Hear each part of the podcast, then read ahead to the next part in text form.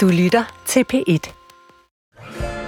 Velkommen til programmet Hvad vil Jesus have sagt på P1? Jeg hedder Iben Maria Søjden, og hver søndag der sidder vi klar her, mig og to-tre andre præster, som vil give øh, deres bedste bud på, hvad Jesus ville have gjort eller sagt i en situation, som du måske befinder dig i lige nu. Det kan være et dilemma, det kan være et spørgsmål, det kan være et problem, det kan være en refleksion. Øh, du skriver ind til jesus DK. Det kan sådan set også være et politisk spørgsmål. Et af dem skal vi starte med i dag. Derudover så skal vi igennem et spørgsmål, som simpelthen også bliver ved med at poppe op i inboxen. Og det, der kommer nye svar hver gang, og det er formuleret på en ny måde hver eneste gang, men det handler om det der med, hvordan man tror på den rigtige måde. Hvad betyder den rigtige tro? Et spørgsmål, som jeg selv faktisk har tumlet helt vildt meget med, indtil det gjorde op for mig, at det er den rumsteren, som i sig selv er tro. Øhm, så den er ikke diskvalificerende på nogen måde. Sådan har jeg i hvert fald begyndt at tænke på det, og der ligger noget frihed eller noget øhm, liv i den indsigt. Du lytter altså til, hvad vil Jesus har sagt her på B1, og i studiet med mig er Helene Reingård Nøgman, som er vikarpræst i Marmorkirken i København, Sylvester Røbstorff, som er præst i Oppe Sundby og Snostrup Kirker, og Louise Britze, som er præst i Simeons Kirke på Nørrebro. Velkommen til jer alle tre. Fået et virkelig svært spørgsmål, og det er netop et af de her øhm, spørgsmål, som snor sig ind i øh, et politisk Danmark. Mm. Det er Hans Christian Nielsen, der skriver, kære Iben, så kommer han først med en tilståelse, hvor han siger, jeg hører normalt ikke dit program. Færre, vil jeg bare lige sige. Så måske er Jesus allerede blevet stillet det spørgsmål, som jeg spørger ham om nu. Vi betragter jo os selv som et kristent og humant samfund med de værdier, som vi tillægger disse begreber. Næstekærlighed og barmhjertighed. Og ikke mindst tilgivelse. Så er det, jeg vil spørge om, hvad ville du, altså parentes Jesus, have gjort med børnene og deres mødre, som befinder sig i al lejren i Syrien?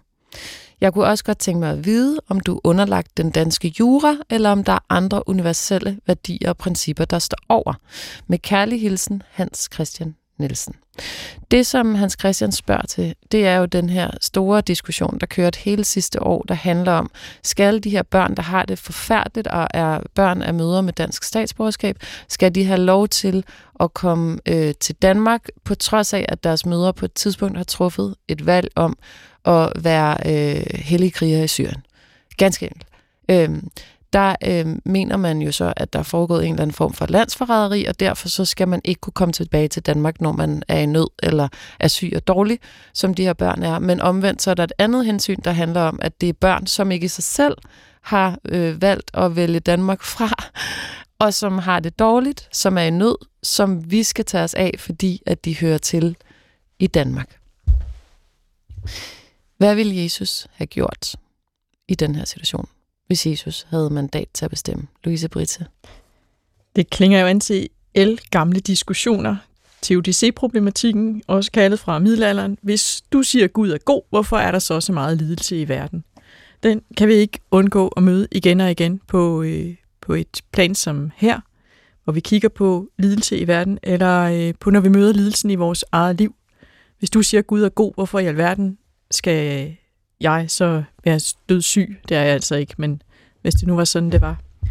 Hvis vi øh, ikke får billedet af Gud, den Gud, vi får serveret til at hænge sammen med, sådan som vi oplever livet og, og verden, så kan det krakelere. Det får nogen til at miste troen, og det får andre til at blive troende. Og det er jo i sig selv også rigtig interessant. Fordi Gud har ikke lovet os et liv uden lidelse. Han har givet os sin søn, for at vi ikke skulle være alene noget som helst sted. Fordi Jesus gennemgår al tænkelig lidelse, et menneske kan opleve, og går med os ind i mørket og smerten, så der ikke er noget som helst sted, vi skal være alene. Heller ikke, når man sidder så fuldstændig meningsfuldt, som, som de her børn og familier gør. ja. Øh, ja, fik jeg sagt det. Meningsfuldt, ja. Tak, det er sorry. Ja. Det er det helt bestemt. Altså, øhm, der er ikke nogen mening, tror jeg, i selve ensomheden, lidelsen, smerten, sygdommen. Når vi ser på de her ugeblads forsider, hvor der står sådan noget modgang gør, gjorde mig stærk, og jeg overvandt øh, kræften og alle de her ting, så tænker jeg, at det er jo ikke lidelsen i sig selv, der gør stærk. Det er jo ikke sygdommen eller modgangen. Det er jo den kærlighed og de kræfter og de ressourcer, som man af en eller anden grund får møder, øh, finder inde i sig selv, eller får fra, fra kærlige medmennesker, eller fra Gud, som gør, at vi kan overvinde lidelse nogle gange. Men vi ved jo også godt, at det ikke er alt lidelse, der bliver overvundet. Noget af det, det slår faktisk mennesker ihjel. Og der kan vi jo se os om i verden og se, at der ikke er nogen tro eller afkald på tro, som kan garantere nogen mod et liv i lidelse.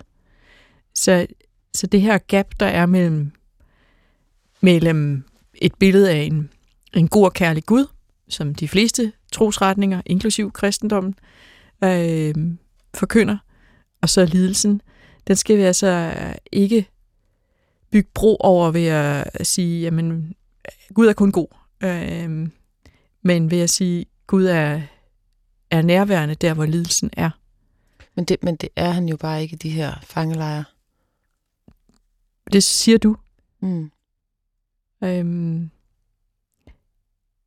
det, det tjekker jo ind på et gudsbillede, som om, at Gud skulle komme med sin helikopter og tage mm. dem ud af lidelsen. Mm. Det, det skal jeg ikke kunne sige, om Gud kan.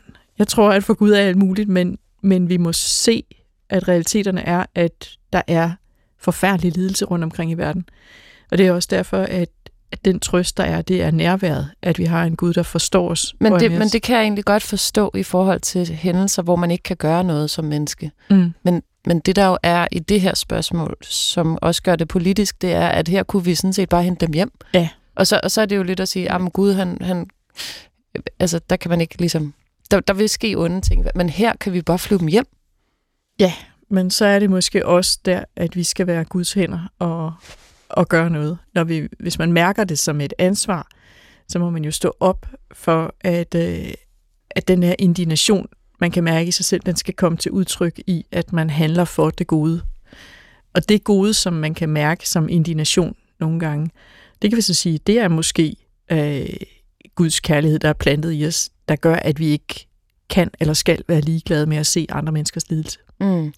Og, det, og, det, og jeg er helt med på, at det er et svært spørgsmål for jer at besvare som præster, fordi at det går ind og bliver politisk. I virkeligheden så spørger øh, Hans Christian jo om, hvis Jesus var øh, øh, regeringen eller var magten, ville han så have betalt min flybillet og åbnet Danmark for de her børn. Ikke? Øh, og der er det jo selvfølgelig som præst, at det sikkert, kan jeg forestille mig, kan være problematisk at sige, øh, ja, fordi så er man jo en meget politisk præst i virkeligheden. Eller hvad, Sylvester?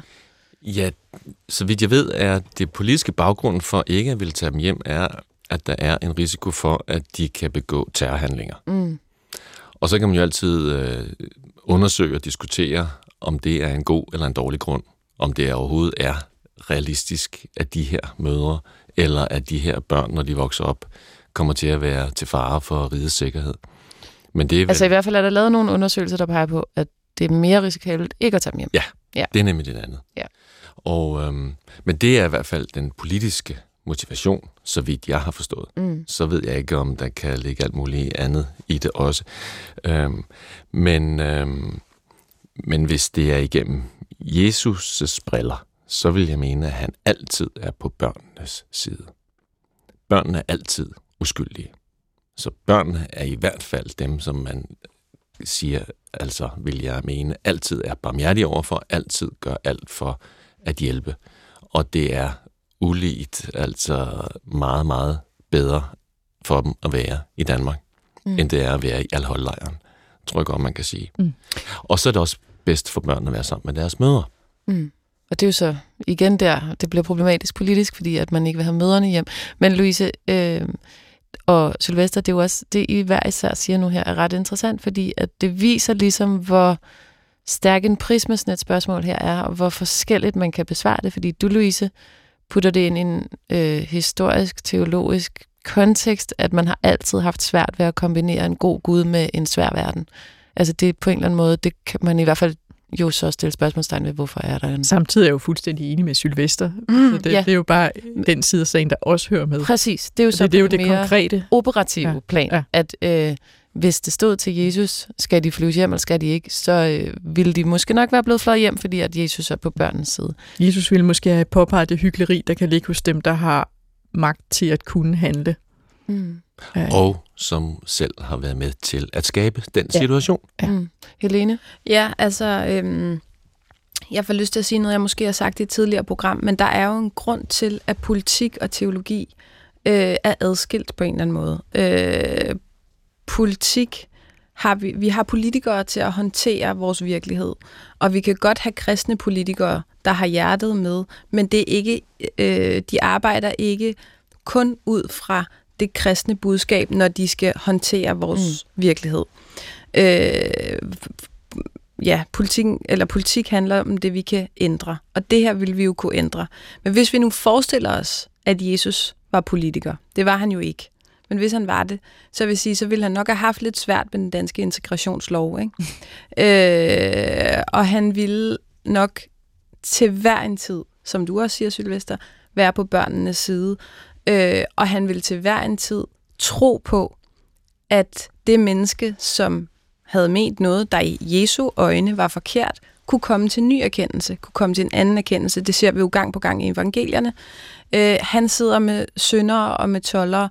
Der er lignelsen om den fortabte søn, der gør alt det forkerte, bruger alle sine øh, fars penge og fortryder og kommer tilbage, og så øh, bliver han fejret. Altså der, der er ikke nødvendigvis i det nye testamente en overensstemmelse imellem retfærdigheden mm. og troen. Og det er meget vigtigt at sige i den her kontekst, synes jeg. Øh, Prøv at uddybe det mellem retfærdighed og tro. Altså i virkeligheden er det jo også et forsøg på det, du gør nu, som jeg synes er vigtigt, at man også kommer politikernes virkelighed i møde, ikke? Fordi mm. man jo også som præst med et helt andet perspektiv kan sidde og sige, det er selvfølgelig ud fra det her menneskelige aspekt øh, tvivlsomt, om det er den rigtige beslutning. Men der er også en politisk virkelighed, som vi jo skal have med i ligningen, fordi vi har valgt at have et demokrati på den her måde, som mm. vi har det. Mm. Og hvad er det så, du siger der mellem forholdet mellem retfærdighed og tro? At det hænger ikke altid sammen. Altså, øh, i, tro, i troen øh, kan man sige, der er det sådan her, at matematikken, ligningerne går altså ikke altid op. Det er lidt det samme, du også er inde på, Louise, med teodicé-problemet. Ikke? Altså, man kunne ønske sig, at man som kristen øh, eller som døbt kunne sige, nu er vi øh, fritaget for al lidelse, for al uretfærdighed på, den her til, eller i den her tilværelse. Men den store forskel er jo netop, at det er vi faktisk ikke, men vi er øh, der er nogen, der holder hånden over os i lidelsen, for der er en, der har lidt for os. Øh, det, det afskriver jo ikke uretfærdigheden. Mm. Den er der stadigvæk. Øh, men vi må tilgå den bedst muligt som mennesker og prøve at forstå den, og derudfra tilgive vores næste. Egentlig er det jo meget klart øh, svar til Hans Christian, i hvert fald i forhold til, hvis man, hvis man kunne tillade sig at agere, gå rent Jesus på den, så, så var man rejst ned og hente de her børn. Og så er der så en anden virkelighed ved siden af, som er den politiske virkelighed, om man kan lide det eller ej. Lad mig lige spørge, har I, fordi det, det har jeg tænkt over, hvis man var præst, altså er der ligesom nogle grænser for, hvor politisk man må agere i sit embede? Altså må man gerne være sådan øh, fuldstændig øh, rød og, og lave alle sine prædikner ud fra det, og tage den politiske situation med i sine prædikner, og øh, sende øh, øh, sådan kritik af øh, politikere, når man står på prædik. Altså står der noget i jeres regler, eller hvad man siger, om hvor politisk man må agere som præst? Altså, Jesus er da knaldhamrende værdipolitisk. Mm. Det er da ikke til at... Altså, jo, det er det åbenbart, men øh, jeg mener ikke, det er til at overse alle de steder, han, hvor han advarer imod rigdom og siger, at vi skal hjælpe folk i nød, vi skal hjælpe flygtninge, vi skal, vi skal passe på dem, der er i alle mulige udsatte positioner, og at øh, vi kommer skidt afsted, hvis vi øh, koncentrerer os om gås og guld. Det, det burde ikke være til at ignorere, og det er da mega politisk. Hvis du tager et billede på en strand, så om du drejer kameraet til den ene side, og viser et kærestepar, der holder i hånden, eller om du drejer det til den anden side og viser flaskesamleren. Det er da også politisk. Mm. Men om man som præst er værdipolitisk, øh, undskyld, partipolitisk, mm. øh, det er godt nok noget helt andet. Jeg ville være meget, meget ked af, hvis min menighed gennem mine prædikner ville kunne sige, hvad jeg stemte på. Fordi jeg skal være præst for alle, mm. også selvom at jeg er i et bysovn, hvor de bare kan gå til naboen nemt. Jeg tror, det er endnu højere grad, hvis man er præst ud på landet, at man skal hele tiden tænke på, at jeg må ikke afstøde nogen, der mener noget andet end mig selv. Det, det kan faktisk godt være en lille smule krævende, fordi man også er nødt til at brænde igennem og bruge sig selv som arbejdsredskab. Men hvis vi prædiker i forlængelse af evangelierne, og den ja, værdipolitik, vil jeg sige, vi finder der, så, øhm, så vil sige, så, så giver det altså også, som jeg opfatter det, en hjemmel til, at vi ikke skal være neutrale mm. som sådan. Men partipolitiske, det vil jeg meget gerne undgå at være. Sylvester Helena er enig i, at der i Bibelen er et stærkt værdipolitisk grundlag, men som, og så er opgaven ikke at lade det sive ned til partipolitik, når man står på prædikestolen, Sylvester?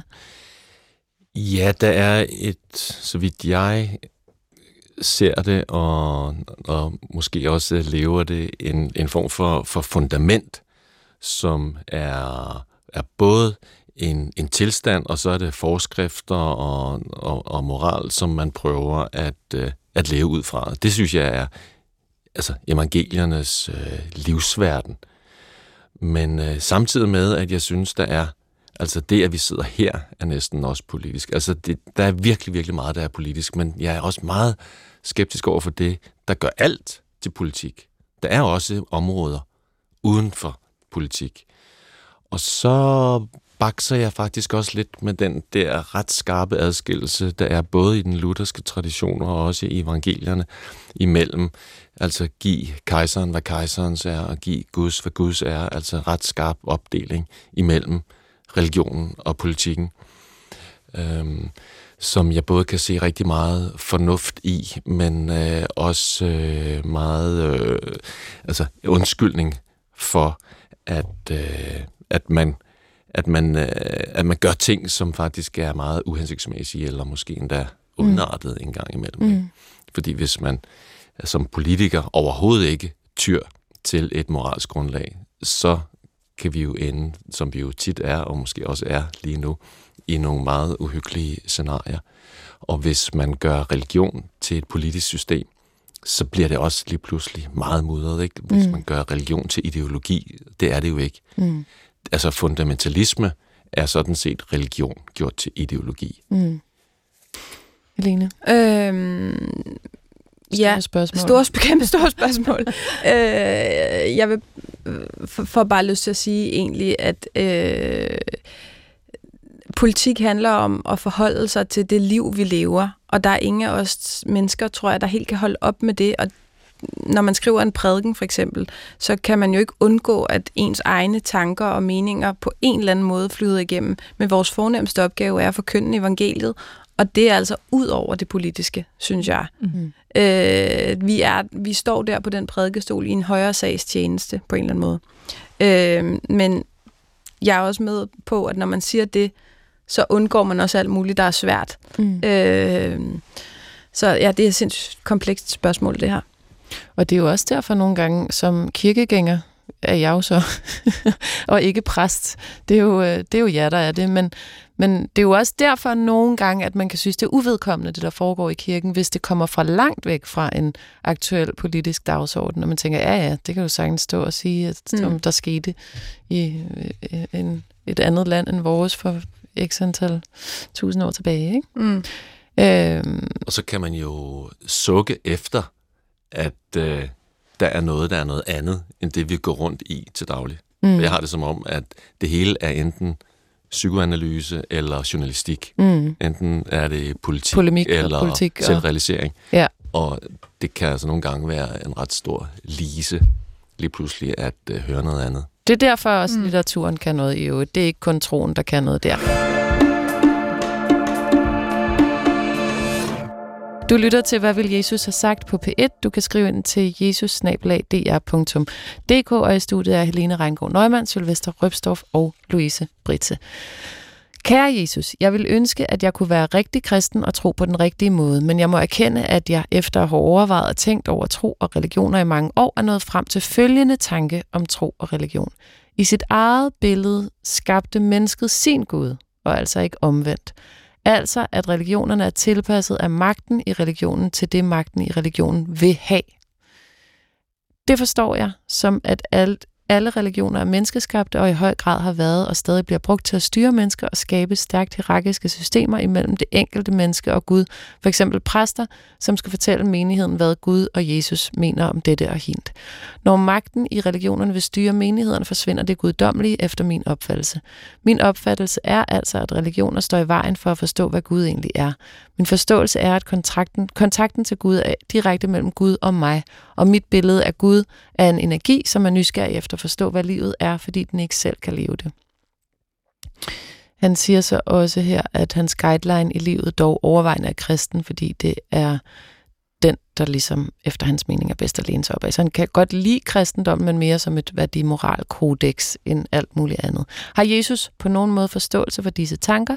Den Jesus, som jeg ser, vil have stor forståelse for disse tanker. Det er altså Søren, vores lytter, der skriver ind, kan det passe det her med, at det mere systemiske, eller det som jo i virkeligheden er folkekirken, præsterne, øh, ritualerne, alt det, det blander sig ind på en uhensigtsmæssig måde i det, som er den rette tro.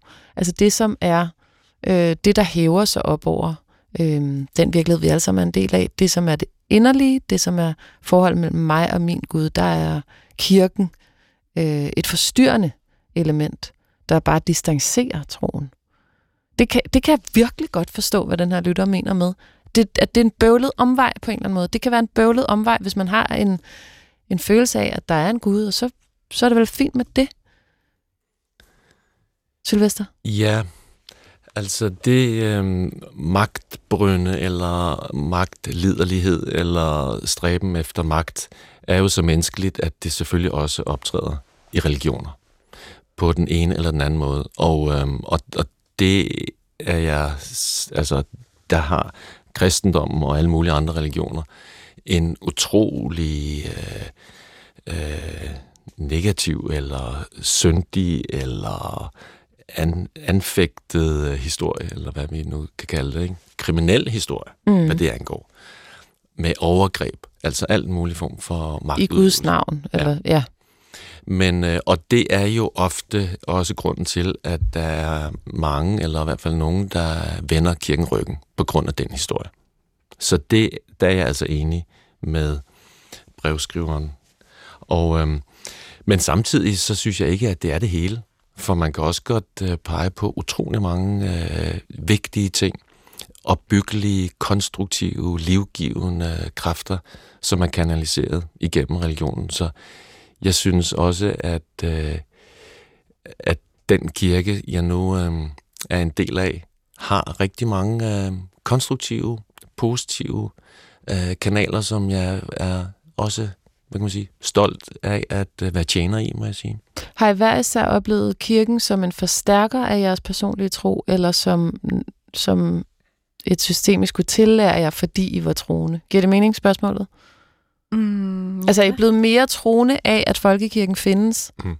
Ja? Ja, for mig ja. Okay, ja, okay. Fordi det er et sted, hvor man kan gå hen og, øh, og, ja, og bede og, og, og rette mm. sit, øh, sit sind det sted hen, som er, hvad kan man sige, hvor livet kommer fra. Mm-hmm. Ja, det vil jeg da egentlig også sige. Altså øh, alene det, at man har et sted, hvor man kan i fællesskab med andre øh, synge eller sige trosbekendelsen, det, øh, det gør jo noget ved os på en, altså jo flere gange man gør det, vil jeg sige. Louise? Jesus møder hele tiden den enkelte lige præcis, hvor det menneske er, og henviser os til fællesskabet, henviser os mm. til hinanden, giver os til hinanden. Og kirken er jo det sted, vi har kulten, øh, hvor vi kan have det her åndelige levende imellem os, uden at skulle sætte os på det, men at det, det, det, er, det er det, der knytter os sammen. Altså når vi går til nadver, så, øhm, så, så har Jesus lovet at være til stede midt i blandt os, øh, men vi er sandelig også til stede med hinanden. Mm. Øhm, så der er, der er troen meget levende, ligesom den kan være det, når man er så dybt alene, som et menneske overhovedet kan opleve at være nogle gange, og på en eller anden måde der i mørket kan øh, møde Gud. Men hvordan... Ja, uden, uden at sætte sig på det, det er lige præcis det. Fordi det tror jeg, altså det er magten, mm. som du siger, uden at sætte sig på det, for der er nogen, der sætter sig på det. Mm. Og det er ligesom der, der kommer en form for magt eller en styring ind, eller nogen, der vil have noget ud af det, og, og sådan nogle ting. Og, og hvordan undgår man det? Fordi det, det kan jeg også godt øh, genkende, den her lytterspørgsmål i mig selv, i forhold til det der med den skepsis, der er imod nogen, der så i spidsen for noget, vi skal tro på. Mm. Altså, der vil være en naturlig skepsis imod en præst, når man går ind i en kirke og siger, ej, det, nu kan jeg mærke, at du kommer et mørkere sted fra end mig, eller et mere konservativt sted fra end mig, eller hvad har du egentlig af, øh, af ret til at hævde din autoritet på det her område? At der er sådan en, det ved jeg ikke om også er en dansk ting, den der naturlige skepsis, der er mod autoriteter og mod folk, der mener at vide noget mere end en selv. Det er jo det, vores lytter gerne vil være sikker på ikke at opleve. Altså, øh, jeg vil sige to ting til vores lytter. Øh, første del af hans spørgsmål, det her med mennesket skabte Gud. Mm. Den, kan jeg altså, den er jeg ikke med på. Okay. Det er bare lige sige først. Jeg kan godt komme tilbage og forklare, ja, hvorfor det, det, bagefter. Ja. Øh, nummer to ting. Altså, øh, hvis nu vi tænker på Luther, ikke? som har dannet den kirke, vi repræsenterer i dag. Han var simpelthen træt af, at der var gået for meget hierarki i den, mm. i den katolske kirke, og han synes der var for langt imellem præstedømmet og for det menneskelige forhold til Gud. Og derfor satte han sig ned og oversatte Bibelen, så på den, det tidspunkt var på latin, man læste den på latin eller på græsk, hvis man kunne det, øh, og oversatte den til tysk, så hvert et menneske kunne forstå, hvad det var, der stod for at det var mere rent, for det kunne gå mere direkte ind, og alt det udenom ikke havde værdi. Øh, og det synes jeg bare gang på gang øh, er vigtigt at holde sig mm. fast ved. At det er derfra, vi kommer. Altså, ja. at man ligesom tog det... Ja, så det ikke er for de lærte blot. Ja. Øh, Eller magthaverne. Og så bliver vi bare lige nødt til kort lige at vende det, som Helene siger, som lytterne også siger, som er vigtigt. Det her med, vi siger, altså det siges jo, at mennesker er skabt i Guds billede, men vores lytter siger, at Gud er skabt i menneskets billede. Altså Gud er ligesom bare noget, man finder på, så det passer på det, vi gerne vil styre menneskeheden hen imod, Louise. Altså vi møder det jo hele tiden i individualiteten, også at, at folk siger, jamen jeg tror ligesom på min egen måde. Mm. Jeg har ligesom mit eget Guds billede. Og jeg, jeg lytter ind på det, jeg afviser ikke, men jeg tænker også, hvordan skulle man dog kunne give sig hen til en Gud, man godt ved, man selv har skabt? Hvad skulle der være større øh, hvad, hvilken tryghed skulle man kunne finde i et billede, man selv har opfundet. Altså, springet ligesom i kærlighed, det er jo egentlig at kunne give slip på sig selv og sige, jeg, jeg giver mig hen til en anden instans, som, som bibringer mit liv noget andet, end det jeg selv har i forvejen. Mm. Øh, og det er, det er troen springer, der er ikke nogen mm. sikkerhed, men, men det er en helt anden bevægelse, end at samle øh, sig en spirituel indkøbskog med, med forskellige øh, øh, øh ja, trosretninger og spiritualiteter er mm. ting, som man har sympati for, og så til at forsøge en gang imellem at give, kunne give slip på sig selv og give sig hen ligesom i kærlighed. Mm. Til noget, som er større end en selv. Til noget, ja, der kommer et andet sted fra end ja, en selv. Og ja. til noget, som man ikke har garanti for, hvordan virker mm. og hvad man kan få ud af. Helene, du siger, du vil gerne gøre øh, lige opmærksom på, at du, du køber ikke det med, at Gud skulle være skabt i menneskets billede. Hvorfor ikke? Jamen altså, i forlængelse af det, Louise siger, hvis, hvis det var sådan, så ville vi jo tro på, at vi kunne skabe alt selv. Og det tror jeg bare ikke på, helt ærligt. Altså, øh, øh jeg synes ustandsligt, der er beviser for, at der er ting, der ligger ud over, hvad vi formår. Altså, øh, det klassiske eksempel af kærlighed, det nævnte du også lige, Louise, men man, man kan jo også sige idéer. Altså, hvor får vi idéer fra? De kommer til os. Øh, de er jo skænket. Vores liv er skænket også. Øh, og og øh, ja, mit gudsbillede er bare anderledes. mm. Sylvester? Ja, jeg vil våge at tage sådan en, øh, en dobbelt position, altså samtidig med, at jeg er enig i, hvad Louise og Helene siger, så synes jeg også, at jeg vil gerne forbeholde mig retten til, samtidig med, at jeg accepterer et billedforbud. Vi skal ikke gøre os noget billede af Gud, men forbeholde mig retten til at reflektere over, hvem Gud er, og hvad Gud er, og prøver at finde ud af, hvordan Guds ord lyder i Bibelen, og alt det der, velvidende, at det er simpelthen bare ufuldstændige udkast mm. fra min egen hjerne. Men, men jeg, jeg synes stadigvæk, at mm. der er en, en, en, en, en virkelighed, øh, eller jeg synes også, at man må anerkende, at vi faktisk prøver at, øh, at gribe en virkelighed, i stedet for udelukkende at Mm. være fuldstændig, øh, hvad kan man sige, overgive os, øh, eller at man overhovedet ikke kan eller må reflektere over Mm, det. at det bare skal være en intuition, eller en følelse, Ja, eller, eller, en eller sansning. den Eller, her fu- fuldstændig absolute hengivelse, uden at man overhovedet kan, øh, Ja. uden, uden at man egentlig øh, vurderer eller værdsætter, at vi faktisk kan, kan tale om det sammen. Mm. Altså måske optræder Gud, eller bliver Gud mere nærværende, jo mere vi taler om ham. Altså, men jo mere vi taler om ham, og alle de her ord, vi bruger om ham, det er jo aldrig nogensinde dækkende. Mm. Jeg tror bare, det, det er jo noget, som jeg har tænkt meget over i de her år, hvor jeg har lavet programmer om folkekirken om tro osv., at den del, der hedder, om man ligesom kan mærke Gud, altså opleve Gud, eller har et trosforhold, hvordan man så end udtrykker det, den er folk egentlig ret meget med på. Altså, det, det, det er sådan, ja, altså, jeg tror der på noget større, eller på, det, det kan ikke bare være det her. Men det er det der med at få det omsat til sprog, eller til han, altså til ritualer eller øh, liturgi. Det, det er der, som at der er en forhindring eller et dørtrin, man skal hen over som almindelig borger i Danmark. Øh, det, det, det tror jeg. Det tror jeg, du har meget ret i. Altså, at vi har jo faktisk, ikke kun på det religiøse område, men på andre, andre områder, altså sådan nogle store blinde pletter, som vi ikke tør eller kan øh, belyse med vores sprog. Mm. Fordi vi er alle mulige forskellige, enten er det af vane, eller dogmatiske barriere, eller sådan nogle traumer, eller det er simpelthen for farligt at begive sig ind på det. Mm. Og det tror jeg også kan være angå det her. Og det synes jeg egentlig er vores opgave. Også præster, eller også journalister, at vi faktisk er med til at skabe et sprog, eller også måske gøre det mindre farligt. Mm. Og der tror jeg jo, at den historie, du selv refererer til tidligere, den har en helt vildt stor rolle at spille i, at man har svært ved at nærme sig det konkret øh, bibelnære kristne. Øh, ja. Ja, og altså som supplement, Jesus taler jo også til os i lignelser. Mm. Øh, det er jo på en eller anden måde, øh, han bruger jo det narrative nærmest, altså til at fortælle os noget om noget, der var større, og det giver os øh, faklen videre i forhold til at gå ind i fortolkningen. Mm. Altså, øhm, og, og ja, det er jo det, der er DNA'en i vores tro eller religion. Ikke? Og den kæmpe store øvelse. Måske skulle jeg lige supplere, altså jeg er jo, altså, og, og Luther var jo heller ikke fortæller for et fuldstændigt billedforbud. Altså mm. det er stadigvæk muligt for os mm. at skabe billeder.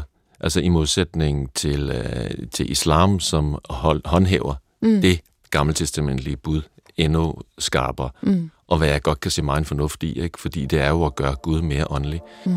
Men jeg går også ind for, at vi egentlig også godt øh, kan lave billeder. Velvidende, at det aldrig nogensinde Er kan indkapsle. Du lytter til, hvad vil Jesus have sagt? Og i studiet med mig sidder tre præster klar til at svare på jeres øh, spørgsmål, både om tro, politik og personligt følelsesliv. Det er jesusnablag.dr.dk, altså det er Helene Reingård Nøgman i studiet, Sylvester Røbstoft og Louise Britse. Jeg kunne godt lige tænke mig at høre i et tidligere program, så sagde jeg, at jeg ville spørge jer nemlig. Øhm, der var en lytter, der øh, spurgte, sådan, hvad der skal til, for at man kan forkynde kristendommen. Hvor, hvor god skal man være til teologi, eller hvor meget skal man selv tro? Øh, så sagde jeg, jeg vil, jeg vil egentlig gerne høre jer hver især, hvem I synes har forkyndt kristendommen bedst. Hvis man både må tænke øh, i Bibelen, og man må tænke sin nærmeste familie, man må tænke sin sovnepræst, da man var barn, øh, man må tænke en forfatter, eller digter, eller teolog. Hvem har I hver især, hvis I skulle pinpoint en, der har forkyndt kristendommen bedst? Hvem vil I nævne? Louise? Jamen, øh, jeg tror, der hvor jeg er blevet mest rørt, det er egentlig ved, at folk med deres levede liv viser øh, en større verden, en, øh, en ufortjent generøsitet. Øh, og det kan man altså godt gøre faktisk jo, uden at være kristen. Det kan vi heldigvis da ikke tage patent på i kristendommen. Men øh, jeg vil simpelthen så bruge det her lille rum til faktisk at hylde Morten Lindberg, Master Fatman, som jeg ved berørte enormt mange smarte øh, øh, københavnere og alle mulige folk, der ellers havde en ironisk distance til, til tro og åndelighed, simpelthen ved, at øh, han slog sådan igennem med sin, sin øh, generøsitet, og hele tiden opfordrede til at sætte sig ud over den øh, smålighed eller retfærdighed, man ellers skulle være tilbøjelig til at møde verden med. Men lige tænke sådan, okay, hvis øh, du står ved bageren søndag morgen, og bagerjomfruen hun er rigtig sur og klemmer din vinerbrød ned i en alt for lille pose, jamen, så tag dig lige og spørg, om ikke du skulle hjælpe hende med at bære nogle tunge kasser ude bagved. Det giver hende måske overskud til at få ringet til den mor, hun næsten ikke gad at snakke med. Mm. Og moren ringer så til sin øh, bror i Kanada, og så går han ud og hjælper nogle andre med at bygge en ny træhud. Altså det er det, som han kaldte det store kosmiske dominospil. At mm. hvis man går imod den retfærdige tilbøjelighed til at betale uret med uret og fortælle folk, når de har taget fejl eller er nogle narrøv, jamen så er det, at øh, forløsningen kan ske, og at øh, kærlighedens revolution kan sætte i gang. Og det er det, jeg opfatter, Jesus vil. At vi skal sætte os ud over os selv, og med vores måde at leve på, lyse Guds kærlighed ind i verden. Og det, øh, altså, nu nævnte jeg Morten Lindberg, fatmand der, han bekendte sig jo ikke som kristen. Jeg har arbejdet for ham i mange år, og jeg har nogle gange sagt, at jeg opfattede ham som en af de bedste kristne, jeg nogensinde har mødt. Til han ikke Især, på sig. Nej, nej, det tog han pænt. Øh, men, men, øh, men på den måde vil jeg sige, at det giver os jo alle sammen en chance for, at vi kan lyse Guds kærlighed ind i verden ved vores måde at leve på. Nok kun glimtvist, fordi vi er ikke Jesus. Vi er bare mennesker, og det er vidunderligt at være menneske. Mm. Sylvester? Jamen altså, jeg tænkte først på Leonard Cohen eller Johannes Møllehave, men jeg vil næsten hellere sige Sinead O'Connor, Rest in Peace, som mm. jo døde mm. for nylig. Og øhm, som øhm, der er kommet nogle, øh, læste jeg på Facebook, nogle øh, historier frem om hende, at øh, for eksempel var der en, øh, en skole i Irland, som lige pludselig ikke havde nogen bus, og derfor kunne de her skolebørn ikke komme hen til øh, deres skole, og så øh, henvendte de sig faktisk til Signor O'Connor, som solgte sit kæmpestore fly og gav penge til den bus, så de her børn kunne komme til skole. Og så var der en øh, historie, som hun selv opsnappede, om et kraftsygt barn, som hun ringede til og inviterede til øh, London og gav det her barn øh, nogle fantastiske oplevelser den sidste tid, hun levede. Mm-hmm. Så altså og hvorfor under det? og bag hele det her, det her martrede menneske, som jo havde, øh, altså som jo også var, synes jeg, moralsk fuldstændig integreret og, og, og, og musikalsk og så videre, så lå der altså meget mere end sådan en, dels, dels mere end en provokatør selvfølgelig, fordi der altid var mening med de ting, som hun gjorde, men, øh, og der lå også mere øh, bag hende, end at være en stor rockstjerne. Mm. Nemlig det der helt genuine mellemmenneskelige. Det kom jeg bare lige i tanke om, da Louise sagde det der. Mm-hmm. Som, altså, at hun simpelthen hjalp nogle folk og gav virkelig, man kan sige, denne her pige, og sikkert også masser af andre, mm. en stor glæde. Og det er kernekristent sagt med det forbehold, uh, forbehold at mange, at, at kristendommen ikke har patent på at være venlig, eller menneskelig, eller barmhjertig, eller hvad det nu måtte være. Jeg kan allerede fornemme nu, at uh, vi kommer til at få nogle mails fra nogen, der mener, at vi bestemt skal skæve til nogle øh, kristne tænkere, for eksempel, mere end... Øh... Det gør vi jo også næsten ja. hele tiden. Det er godt. det er godt. Ellers så må jeg jo hive Preben Kok i studiet og spørge ham, hvor han vil kigge hen. Øh, Helene? Jamen, netop derfor så tænker jeg, nu så skal jeg jo sige noget andet også. Altså, øh, jeg synes jo, der er noget meget interessant i, at en af Danmarks største tænkere, Søren Kierkegaard, har været den person, der måske, øh, da jeg stødte på ham på, i mit teologiske studium, var der simpelthen så mange ting, der faldt på plads for mig i hvert fald. Hans tanker. Jeg følte, at jeg kunne, øh, hvad skal man sige, øh, spejle enormt meget af, af det, han, øh, af alt det, han øh, skriver om. Altså, men selvfølgelig i overmåde, for han var jo meget tæt på et geni. Det er jeg bestemt ikke. Øh, men der er også en interessant ting i, at han jo faktisk aldrig gik ud og blev præst, fordi der var så mange ting, han kæmpede med. Og på en eller anden måde har det faktisk hjulpet mig i mit præstevirke, at vi må godt have tvivlen med os samtidig med de store tanker. Mm. Øhm, så det... Sådan et forbillede på en måde? På en måde, ja. Og så vil jeg bare... Og hvor kan du, altså hvis man nu ikke, hvis man nu, hvor, hvad er det, han har sagt? Altså hvor, hvor er det, han ligesom køjnede noget, som du sådan kunne tage med dig videre helt konkret? Fordi det kan jo også meget hurtigt blive sådan nogle, ja, intellektuelle knæbøj. Ja, ui, der er så mange. Men altså hele hans måde at forstå kærlighedsbegrebet på, øh, som det er lidt kompliceret, så det er svært at sige det kort, men altså det her med for eksempel hans øh, forståelse af evigheden, som den vi møder i øjeblikket her på jorden, og hvor kærligheden er det, der binder det timelige og det evige sammen. Øh, det er så smukt. Mm. Altså, øh, og det, der, det, mine skuldre, de sænkede sig første gang, jeg læste det, og jeg har haft det sådan, øh, som et rygmærke siden. Mm. øhm, og skal det forstås sådan, at når man møder kærligheden, så er det det, det er den fli af evighed, man får her på jorden? Ja, det er det, der går ud over det levede liv på jorden. Øh, det er det, der går ud over vores død. Mm. Som rækker ud længere væk end det. Ja. Fordi man kan blive savnet, når man dør. Øh, ja, ja. Øhm, og så vil jeg egentlig bare lige også sige, ikke fordi at øh, jeg regner med at få nogle sådan øh, flittighedspoint, øh, men altså, jeg synes faktisk, jeg har stødt på rigtig mange dygtige præster øh, igennem mit øh, teologiske liv, øh, og det her, øh, jeg kan sige det helt kort, sådan at jeg oplevede noget ret øh, alvorligt eller sørgeligt i mit eget liv, og den præst, øh, biskop, der havde ordineret mig, var faktisk en af de første, der meldte sig på banen, som, jeg ved, du har oplevet det her, kom op til mig og få en kop kaffe, når du har tid. Øh, det er jo noget med, at der har været et menneske der, der gerne ville gå med en i mørket. Mm. Øh, og det er ekstremt betydningsfuldt. Mm. Så i virkeligheden også... Øh ja, selve det bare at gøre det, det er jo så også derfor, du nævner Morten Lindberg, fordi at han gjorde det, han levede det, øh, eller Senator Connor, ja. eller en biskop. Ja. ja. Du bliver helt... Øh, jeg kan se på dig, du kommer til at tænke på det. Tog du op og drak den kop? Ja, det gjorde. Det gjorde du? Ja.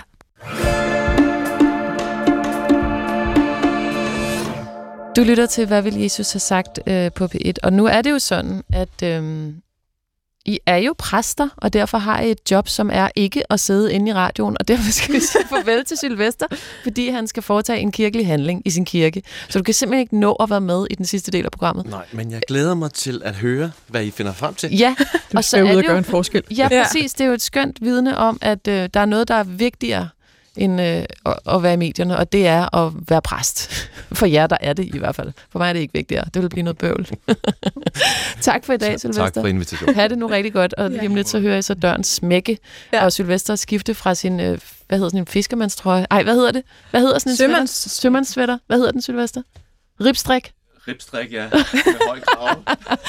og ud i sin præstekjole. Farvel. Farvel. Du kan skrive ind til jesusnablag.dr.dk. Nu får vi en sidste mail, og den er øhm, lang og svær. Kæreste Jesus, jeg er dagligt vidne til menneskers hensynsløse adfærd og opførsel over for andre mennesker i det offentlige rum. For eksempel i supermarkedet ved at springe over i køen, i trafikken ved for eksempel ikke at holde afstand eller give korrekt signal og dermed øge fare for ulykker, i svømmehallen ved at råbe og skrige og ikke iagtage zoneregler, og endelig for eksempel på fortoget ved i tide ikke at vige passende for modpasserende fodgængere, så fortoget deles ligeligt for at undgå korporligt sammenstød skulder mod skulder.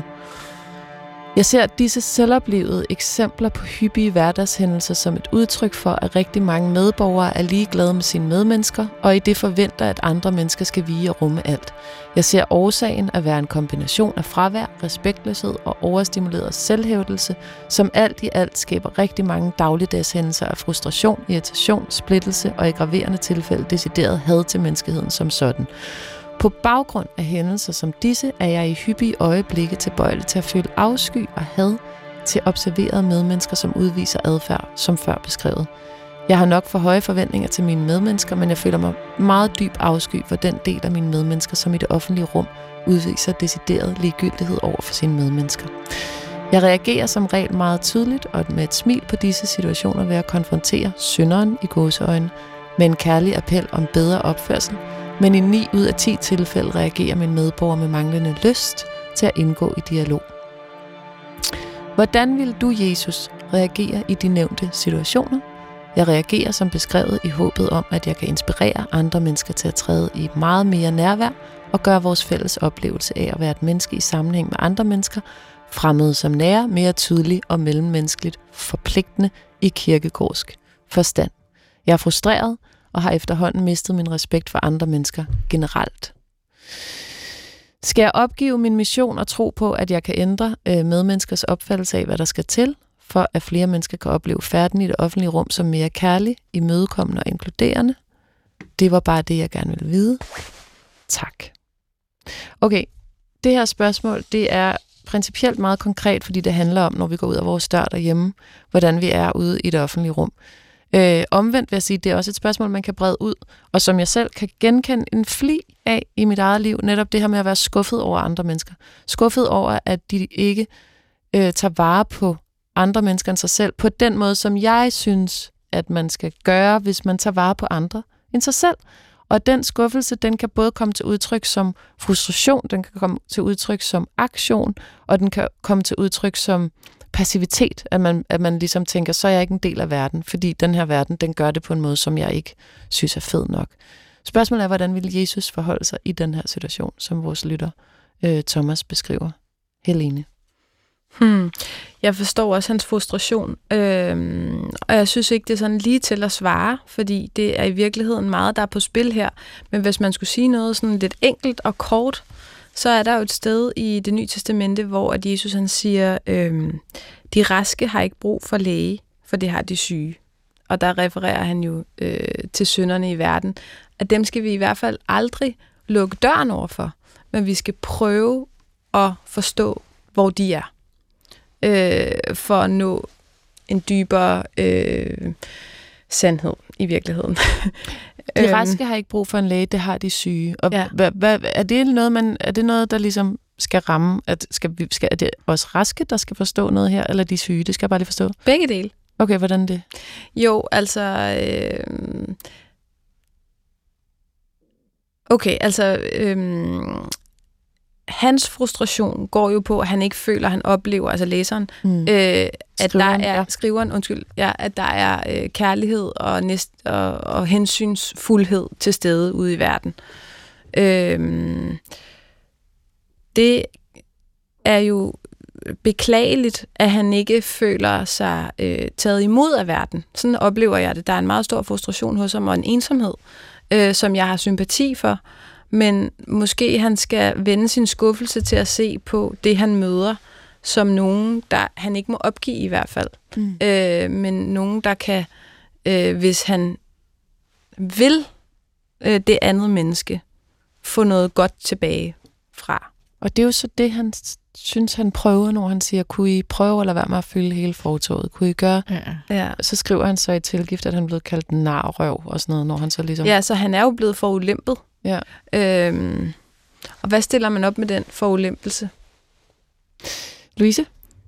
Altså det med, at han får de her ikke så taknemmelige kommentarer, når han venligt og kærligt prøver at vise det gode eksempel og opfordrer til bedre samfærdsel i det offentlige rum. Vi kender måske alle sammen sådan nogle lidt tilspidsede situationer med fremmede i trafikken. Ja. Jo, vi har øhm, Altså det tyder jo på, at at den her venlighed, han prøver at møde dem med, den faktisk nok nærmest bliver opfattet som spydighed. Mm. Og sådan kan det jo nemlig nok gå, at, øh, at selv hvis der er en, der råber et eller andet rædselsfuldt efter mig, og jeg har lavet en ryggradsreaktion med at sige, have en vidunderlig dag, det bliver altså også opfattet som spydigt. Så øh, hvis man vil undgå det, så er man faktisk nødt til øh, ja, at vende den anden kendt til, at mm. lade det glide af, at parere, og prøve, at, om man kan få blikket hen et andet sted. Fordi den her situation, den er altså svær at være i. Men øh, fuldstændig som Helene sagde, altså Jesus sagde, jeg er ikke kommet for, jeg er kommet for at frelse de fortabte. Mm. Jeg, jeg er kommet for at frelse de fortabte. Han kæmper jo faktisk selv med ikke at gå en lille smule fortabt. Han vil så gerne holde fast i kærligheden, mm.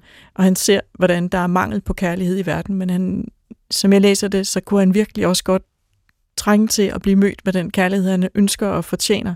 For det er jo sådan, han ønsker at se sine medmennesker som øh, kærlige medskabninger. Og gang på gang bliver han skuffet, fordi verden også er hård og brutal. Og hvis man så først begynder at få øje på alle de steder, hvor der er uvenlighed mm. og øh, upersonligt fjendskab og øh, meningsløshed, så er man jo en lille smule fare for at miste blikket for kærligheden selv. Mm. Det er fuldstændig rigtigt. Ja. Mm. Og det er altså- sådan noget, øh, hvad der er det der udtryk, som ikke er bibelsk, har man en hammer, mm. så ser man søm. Ja, mm. ja. Altså, øhm, Kierkegaard, han bruger i Kærlighedens Gerninger meget synet som billede på hvordan vi oplever møder med andre mennesker. Det, det er en bog, der handler meget om, øh, hvordan vi bliver dem, vi er gennem vores relationer. Mm. Og hvordan vi skal lade Gud spille en rolle i de relationer. Om vi kan låne Guds blik, når vi ser på medmennesket. Og det kræver måske meget, men alligevel så ved jeg ikke, om der er så mange andre veje at gå, end at den, der råber narrøv i trafikken, nok ærligt talt har brug for selv at blive set på med større kærlighed. Mm. At der er nogle faktorer i det menneskes liv, der gør, at der ikke er overskud eller tryghed, afslappethed, er øh, nok til, at man, man reagerer lidt mere venligt øh, og for eksempel siger undskyld i stedet for fuck dig. Mm. Øhm, og det, det her med, med synet på det andet menneske, at man kan se kærlighed ind i den, man står overfor. Det er faktisk øh, jo noget, vi bruger i, i forelskelsen. Der, der, går, der går vi den anden vej. Der læser vi helt urimelig meget positivt ind i medmennesket. Og, øh, og giver noget, øh, giver en kæmpe bonus i billedet af det andet menneske på forhånd, som det så må vise sig, om, om der er grobund for. Det, det er sådan den modsatte vej af, af det her, der sker, når man, når man går ud og for mange gange har fået mm. bekræftet negative forventninger. Ja, for man kan så også læse for lidt ind i det andet menneske, og det er måske i hvert fald værd at være opmærksom på, når man går ud og bliver skuffet over verden. Det med, at det kan godt være, at man er omvendt forelsket i verden. Ja. altså minusforelsket. Ja. Og at man måske, at verden måske også for vores skriver her, kunne fortjene en lidt større tillid. Måske. Mm, ja, måske. Altså, der, der, der kan jo være rigtig god grund til, at han er blevet skuffet så mange gange, at, at det også er de her billeder, der, der fylder så meget. Men det er klart, at hvis man tager en kæmpe dyb indånding og siger, it's a jungle out there, mm. øh, og forventer, åh, oh, nu skal jeg ud og have alle de her sammenstød igen, desværre, så sker det så også nemmere, når det, når det er det, man kigger på. Og man kan sige, uanset om vi taler om vores brevskriver, eller om nogen i trafikken, der opfører sig på en dårlig måde, så er der fælles for det, at, og det synes jeg er gang på gang interessant, det der med, at i kristendom, der handler det om, altså kristendommen finder det øh, sårbare eller svage menneske meget mere interessant, mm. end det menneske, som er frelst. Nu ved jeg ikke, om der overhovedet, der er jo nok ikke nogen mennesker, der sådan 100% er frelst og i sikkerhed og altid har det godt, og så er det det. Men, men det er altid der, hvor manglen er, at kristendommen gerne vil hen. Ikke? Mm. Øh, så man kan sige, at trafikken er da et godt bud at hive Jesus med ud i. Ja, eller jeg tænkte på det, du sagde før, i altså øh, med, du også godt kender at blive skuffet over andre. Øh, Især offentligheden, faktisk. Ja. Mere end i de okay. relationer. Ja, øh, og det er jo meget interessant, fordi det tror jeg, vi alle sammen kender. Men lige så snart, nu bliver det også sådan lidt dybde psykologisk, men lige så snart vi oplever en skuffelse, så kan man jo heller ikke sige sig fri fra at være helt ren. Mm. Og se den anden kun i kærlighed. Mm. Altså, fordi så er man jo allerede Skuff. indigneret. Ja. ja. Så, er der allerede så noget, kan man egentlig udvise øh, den form for næste kærlighed i sådan en situation. Mm. Det er et åbent spørgsmål. Men jeg tror, at vores læser, øh, hvad hedder det, skriver og lytter her, han mener, at det netop er det, han gør, når han går ud i trafikken og siger, undskyld, den her, kunne de mm. være sød og udvise en smule mere? Men hvordan skal han så konkret gøre det? Altså, ligesom hvis man skulle forsøge at gøre, gå ud i offentligheden sådan Jesus fodspor, hvad skal han så ellers gøre? man kunne jo bare næste gang, man er ude og købe ind, så lige kigge bagud i køen og se, om der er en eller anden, der står og tripper øh, med tre varer og sige, hey, har du ikke lyst til at få min plads? Altså, man kan gøre noget nogle andre steder, i stedet for der, hvor, mm. hvor kærligheden faktisk godt kan finde indpas. De der små handlinger, hvor man så faktisk får lov til at tænde et smil i nogle andres øjne, det, jeg ved godt, jeg lyder mega lalleglad lige nu, men det er der, man kan begynde at vinde gamet. Mm. Fordi at, at blive ved med at gribe fat det her sted, han gør, det, det, bliver, det bliver svært, og det bliver hårdt, mm. og, og faktisk så står man jo heller ikke neutralt. Um, altså, jeg har virkelig ikke, jeg har virkelig sympati for, for lytteren her, og, og den meningsløshed, han oplever at møde, men, øhm, men det er ikke et neutralt sted, han står. Nej, fordi og det er man så kommer, også man, man kommer til at se lidt på sig selv som den, der har ret, og den, som er den gode, og de andre tager fejl. Mm. Det, det er ikke et sted, der er forløsende. Nej, og, man, og det som I også siger, som jeg kan høre, det er, at der er en far for, at det kan blive en glidebane, at man bliver mere og mere skuffet, hvis det er det her, man får øje på. Ja. Ville Jesus, hvis Jesus levede i dag, kunne han så godt være sådan en, der stillede sig ud i midten af et kryds og sagde, hov, kammerat, du kørte lige 5 km for hurtigt i timen ned om hjørnet ja. her til højre. Jeg vil måske sige, skal vi ikke gå ud og spise sammen, eller øh, hey, der er piknik herovre, vi er med. Ja. Altså, han vil jo altid invitere til, Radikalt til fælles måltid. Ja. Super underligt, Men, uh, fordi jeg glemte at række gamet, laver noget helt andet. Så ja. bliver jeg inviteret ud at spise. Ja. Ja, okay. Ja. Altså, han vil jo altid se på sådan en slags situation med overskud og ikke med underskud. Og, og det overskud, det overrasker mig bare hver eneste gang, hvor meget det er. Altså, det ja, ja. er ikke bare et smil, det er faktisk at invitere på restaurant. Eller det er et gigantisk overskud. til dem, der ikke var... det er langt større, ja. end vi går og tror i vores ja. øh, allesammen små liv. Og kære øh, lytter, pas på, at det ikke æder dig. Det her med skuffelserne over omverdenen. Øh, vi har alle sammen været der.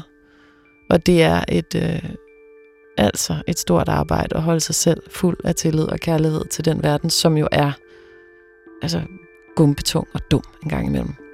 Og vidunderlig. Og også vidunderlig. Heldigvis for det. Louise Britte, Helene Reingård Nøgman, tusind tak, fordi I var en del af denne uges udgave af øh, Hvad vil Jesus have sagt? Og i virkeligheden, så skal vi jo også lige sige øh, tak til Sylvester Røbstorff, som nu er ude og øh, gøre sin dont øh, som præsten. Tak fordi I var med i den her uges udgave af Hvad vil Jesus have sagt?